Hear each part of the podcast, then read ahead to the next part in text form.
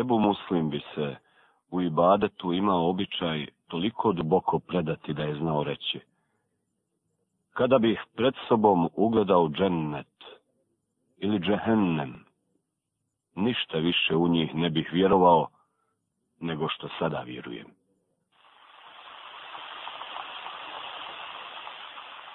Ovo je priča o Ebu Muslimu El Havlaniju. Thank you. Vijest o bolesti Allahova poslanika sallallahu alaihi ve sellem poslije povratka sa oprosnog hadža ubrzo se pročula na sve strane arapskog poluotoka. Čim je čuo za tu vijest, El Esveda, El Ansiju, šeitan je naveo da se nakon što je bio povjerovao, ponovo odmetne u nevjerstvo i počne na Allaha iznositi laži tvrdeći svome narodu u Jemenu da ga je Allah poslao kao novog poslanika vjerovjesnika. El Esved El Ansi bio je krupan, snažan, zao i pokvaran čovjek. Još u doba džahilijeta bio je dobro vladao vještinom vraćanja, gatanja ljudima iz glana i svakojakim vrstama sihira. Pored urođene bistrine i lukavosti, Dobro je vladao vještinom govora i retorike, tako da je bio u stanju da se, zahvaljujući urođenoj darovitosti, bogatim poklonima i podmičivanju, poigrava sa običnim svijetom i pridobija ga za sebe. Uza sve to, služio se još jednim podlim lukavstvom. Pred svijetom se nikada nije pojavljivao, a da prethodno svoje lice nije maskirao, zamotavajući ga u crnu haljinu, sve u cilju ostavljanja jačeg dojma na sebe i ulijevanja strahopoštovanja i tajnovitosti u očima svijeta. El Esved Elan Sijever ideje Ubrzo su se širom Jemena počele širiti brže nego vatra po suhom hrastinju.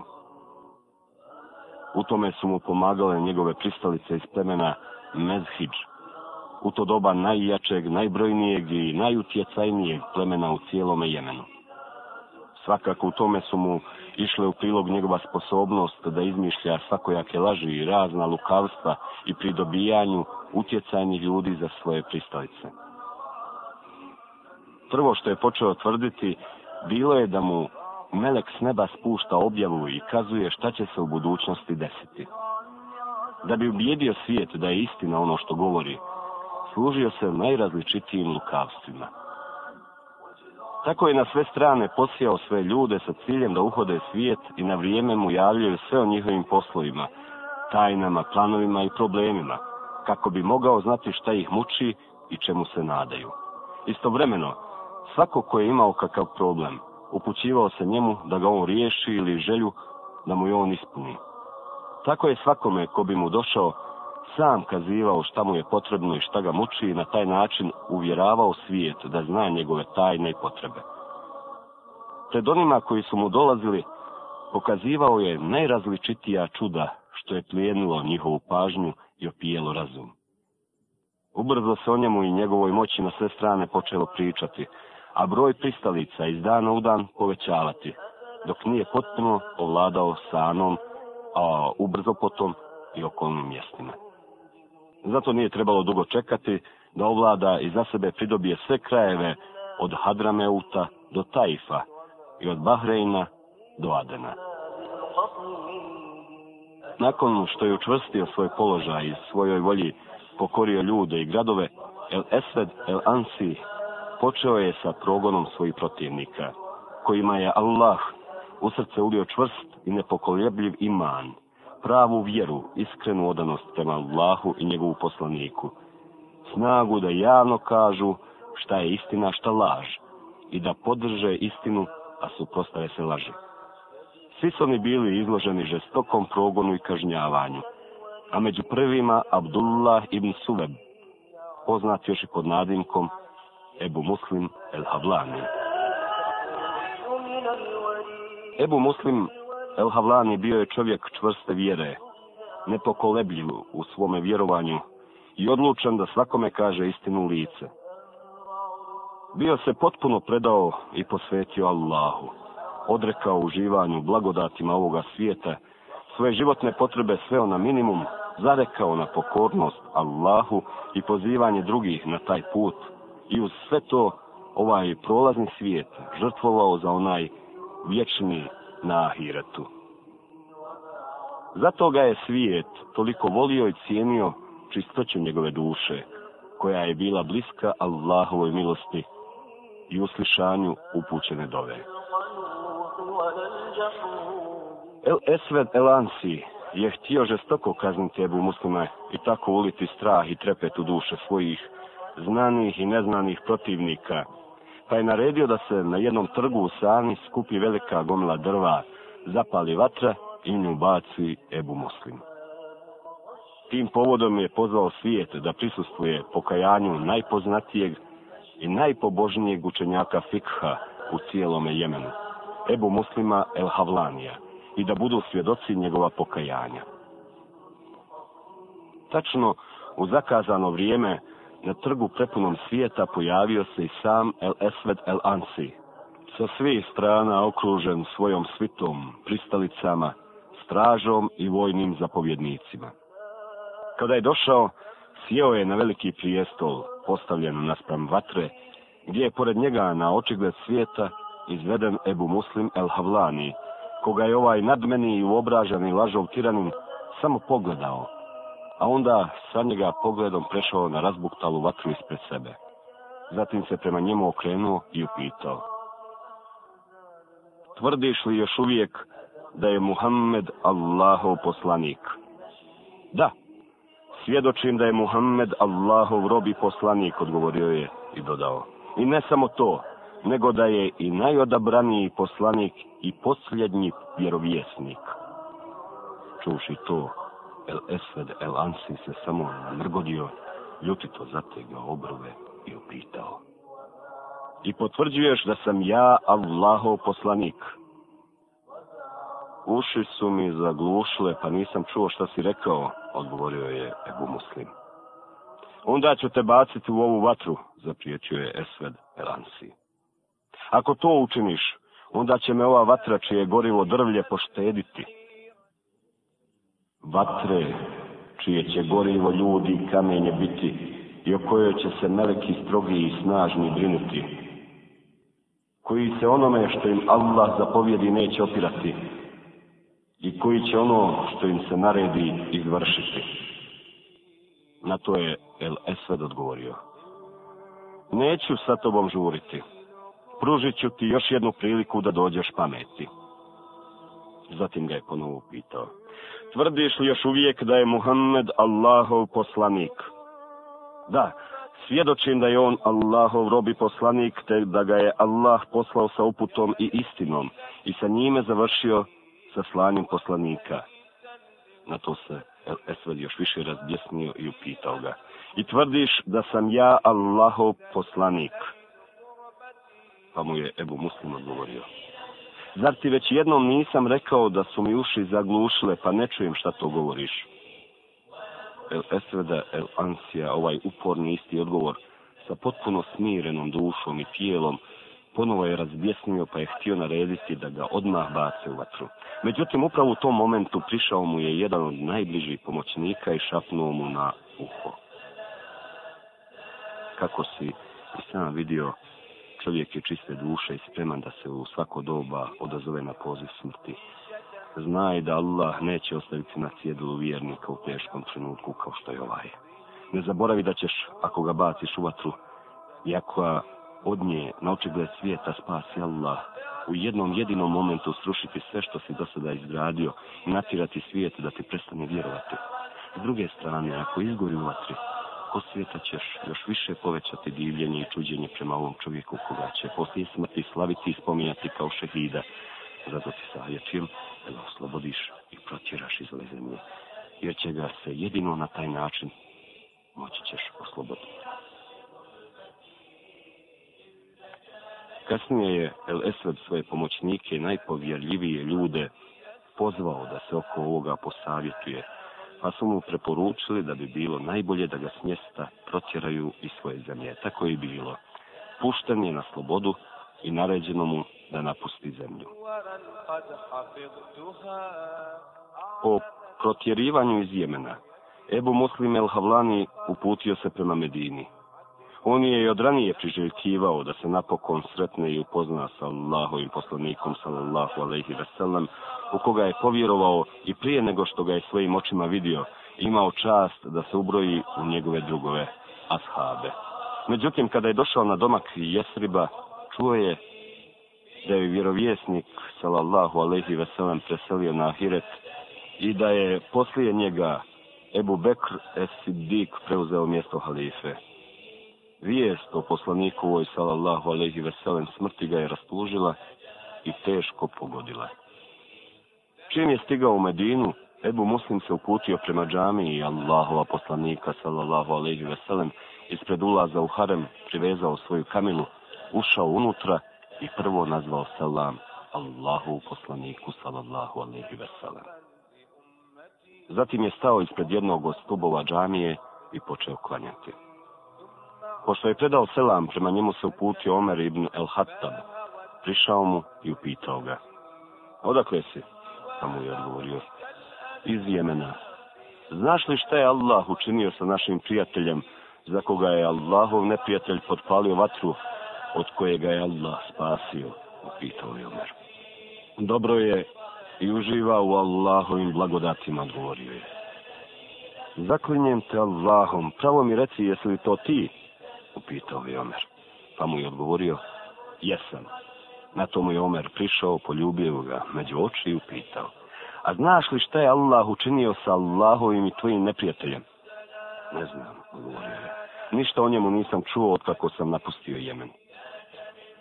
Allah je dao da bude ubijen i njegova vlast srušena od strane preostalih iskrenih vjernika, te da se njegove pristalice ponovo vrate u Allahu vjeru, dodao je Omer na to je ovaj dodao. Hvala Allahu koji me sa ovoga svijeta nije sklonio prije nego čujem i obradujem se propasti Allahova neprijatelja i ponovnom povratku zavedenih stanovnika Jemena u krilo Islama. Na to mu je Omer rekao. Hvala Allahu koji me je poživio da vidim da među Muhammedovim sljedbenicima ima i takvi s kojima je postupljeno kao što je postupljeno sa Allahovim prijateljem, našim ocem Ibrahimom, alaihissalam. Zatim ga je uzeo ispod ruke i odveo kod Ebu Bekra da se i sa njim pozdravi. Čestita mu na preuzetom položaju halife i da mu svoju zakletu na vjernost. Kada je to učinio, Ebu Bekra Sidik mu je pokazao da sjedne između njega i Omera, nakon čega su dva starca zamolila Ebu Muslima da ispočetka još jednom čuju slučaj između njega El Esveda El Ansija. Ebu Muslim El Havlani proveo je neko vrijeme u Medini Munevveri gledajući da što češće odlazi u džamiju Allahova poslanika sallallahu alaihi veselem, klanjao u revdimu Taheri, naučio islamu i upozna što više najpoznatijih ashaba poput Ebu Bejde ibn el Džerraha, Ebu Zerra el Gafara, Ubade ibn Esamita, Muaza ibn El Džebela i Avfa ibn Malika El Ežđeija. Potom se Ebu Muslim odlučio da otputi u Šam i tamo se nastani. Po najviše zbog želje da bude u blizini pograničnih utvrđenja prema neprijatelju, kako bi mogao učestvovati u muslimanskoj vojsci u borbama sa Bizantijicima i zaraditi nagradu borca na Allahov putu. Kada je na položaj halife došao vladar pravovjernih Muavija ibn Ebu Sufjan radi Allahu Anhu, Ebu Muslim je često odlazio kod njega i bio sudionikom brojnih druženja na dvoru. Iz toga perioda zabilježeni su mnogi primjeri o istinskom prijateljstvu i uzajamnom poštovanju između ove dvojice ljudi koji su uživali visok položaj. Tako se pripovjeda da je Ebu Muslim ušao kod Muavije radi Allahu Anhu i zatekao ga kako sjedi u pročelju uglednog skupa gdje su između ostalog bili prisutni njegovi najbliži ljudi, namjesnici, vojni zapovjednici i uglednici. Ebu Muslimu se učinilo da možda pretjeruju i daju mu veći značaj nego što zaslužuje, pa ga je bojeći se da se ne osili, pozdravio riječima. Esselamu alejke, najamniče pravovjernih. Na to su se prisutni prema njemu okrenuli i rekli. Ebu Muslima nije najamniče pravovjernih, nego vladaru pravovjernih. Međutim, on i dalje nije mario na njihovu ispravku, pa je ponovio. Esselamu alejke, najamniče pravovjernih. Prisutni su opet pokušali da ga isprave, rekavši, Ebu Muslima nije najamniče pravovjernih, nego vladaru pravovjernih. Međutim, on i dalje nije mario za njihove riječi, pa i po treći put rekao, Esselamu alejke, najamniče pravovjernih kada su ovi ponovo htjeli da ga isprave, Moavije se okrenuo prema njima i rekao, pustite Ebu muslima. On najbolje zna šta je time htio reći. Zatim se Ebu muslim okrenuo prema Moaviji i rekao mu, ti si, nakon što ti Allah povjerio vlast na drugima poput onoga koji je sebi unajmio najamnika i predao mu svoju stoku, obećavši mu plaću, pod uvjetom da ako je budu dobro čuvao i vodio računa o njoj, voni i mlijeku, pa ako ispuni uvjete, sve dok sitnjež ne poraste, mršava se ne udeblja i oboljela ne ozdravi, isplati mu dogovorenu plaću i troškove. A ako je ne bude dobro čuvao i zanemari dotle da mršave uginu, debela izmrša ili da propadne njena vuna i mlijeko, neće mu ništa isplatiti, nego će se na njega naljutiti i ako može, kazniti ga. Zato za sebe odaberi ono što je za tebe dobro i na čemu ćeš zaraditi.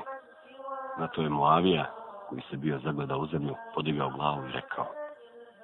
Ebu muslime, neka te Allah obilato nagradi, jer te od uvijek znamo kao iskrenog prijatelja prema Allahu, njegovu poslaniku i običnim muslimanima. Jednog petka dok je Moavija sa Minbere u džami u Damasku, govorio kako je naredio da se iskopa kanal i dovede rijeka Berada kako bi svijet imao dovoljno čiste vode, Ebu Muslim se digao iz mase svijeta i povikao.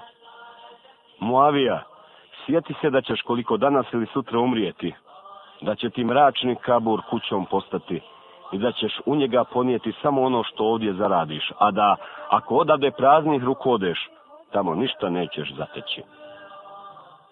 Muavija, Molim Allaha da te sačuva od pomisli da je hilafet kopanje kanala, dovođenje rijeka, sakupljanje imetka i slično.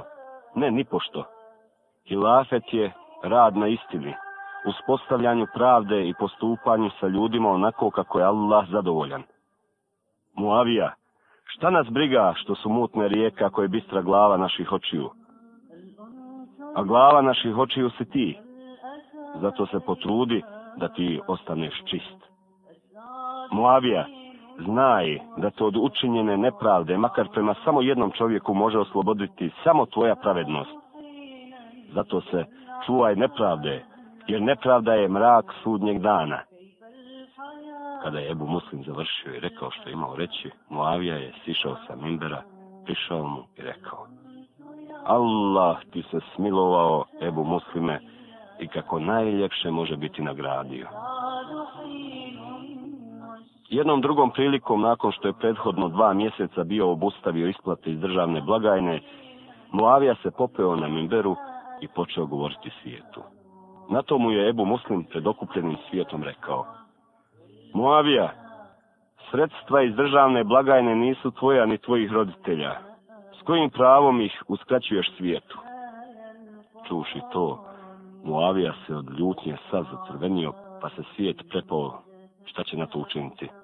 Međutim, doveden u neugodnu situaciju, pokazao je svijetu da ostane na svom mjestu, a zatim sišao sa Minbere, uzeo abdest, osvježio se vodom, ponovo se popeo na Minber, zahvalio se Allahu i rekao. Ebu Muslime je upozorio da ovaj imetak nije ni moj ni mojih roditelja. Istina je ono što je rekao čuo sam Allahova poslanika sallallahu alejhi ve sellem da je rekao: Ljutnja je od šejtana, a šejtan je od vatre. Voda gasi vatru, a neka kada se neko od vas naljuti, uzme abdest. Neka Allah, kako najljepše može biti nagradi Ebu Muslima, koji je bio istinski uzor kako treba istinu reći u lice. Neka je Allah zadovoljan i sa Muavijom ibn Ebu Sufjanom, koji je znao saslušati riječ istine i po njoj postupiti. Kako je neko lijepo rekao, ne kudite ih, očeva svojih ne imali, ili zauzmite mjesto, zauzmite mjesto,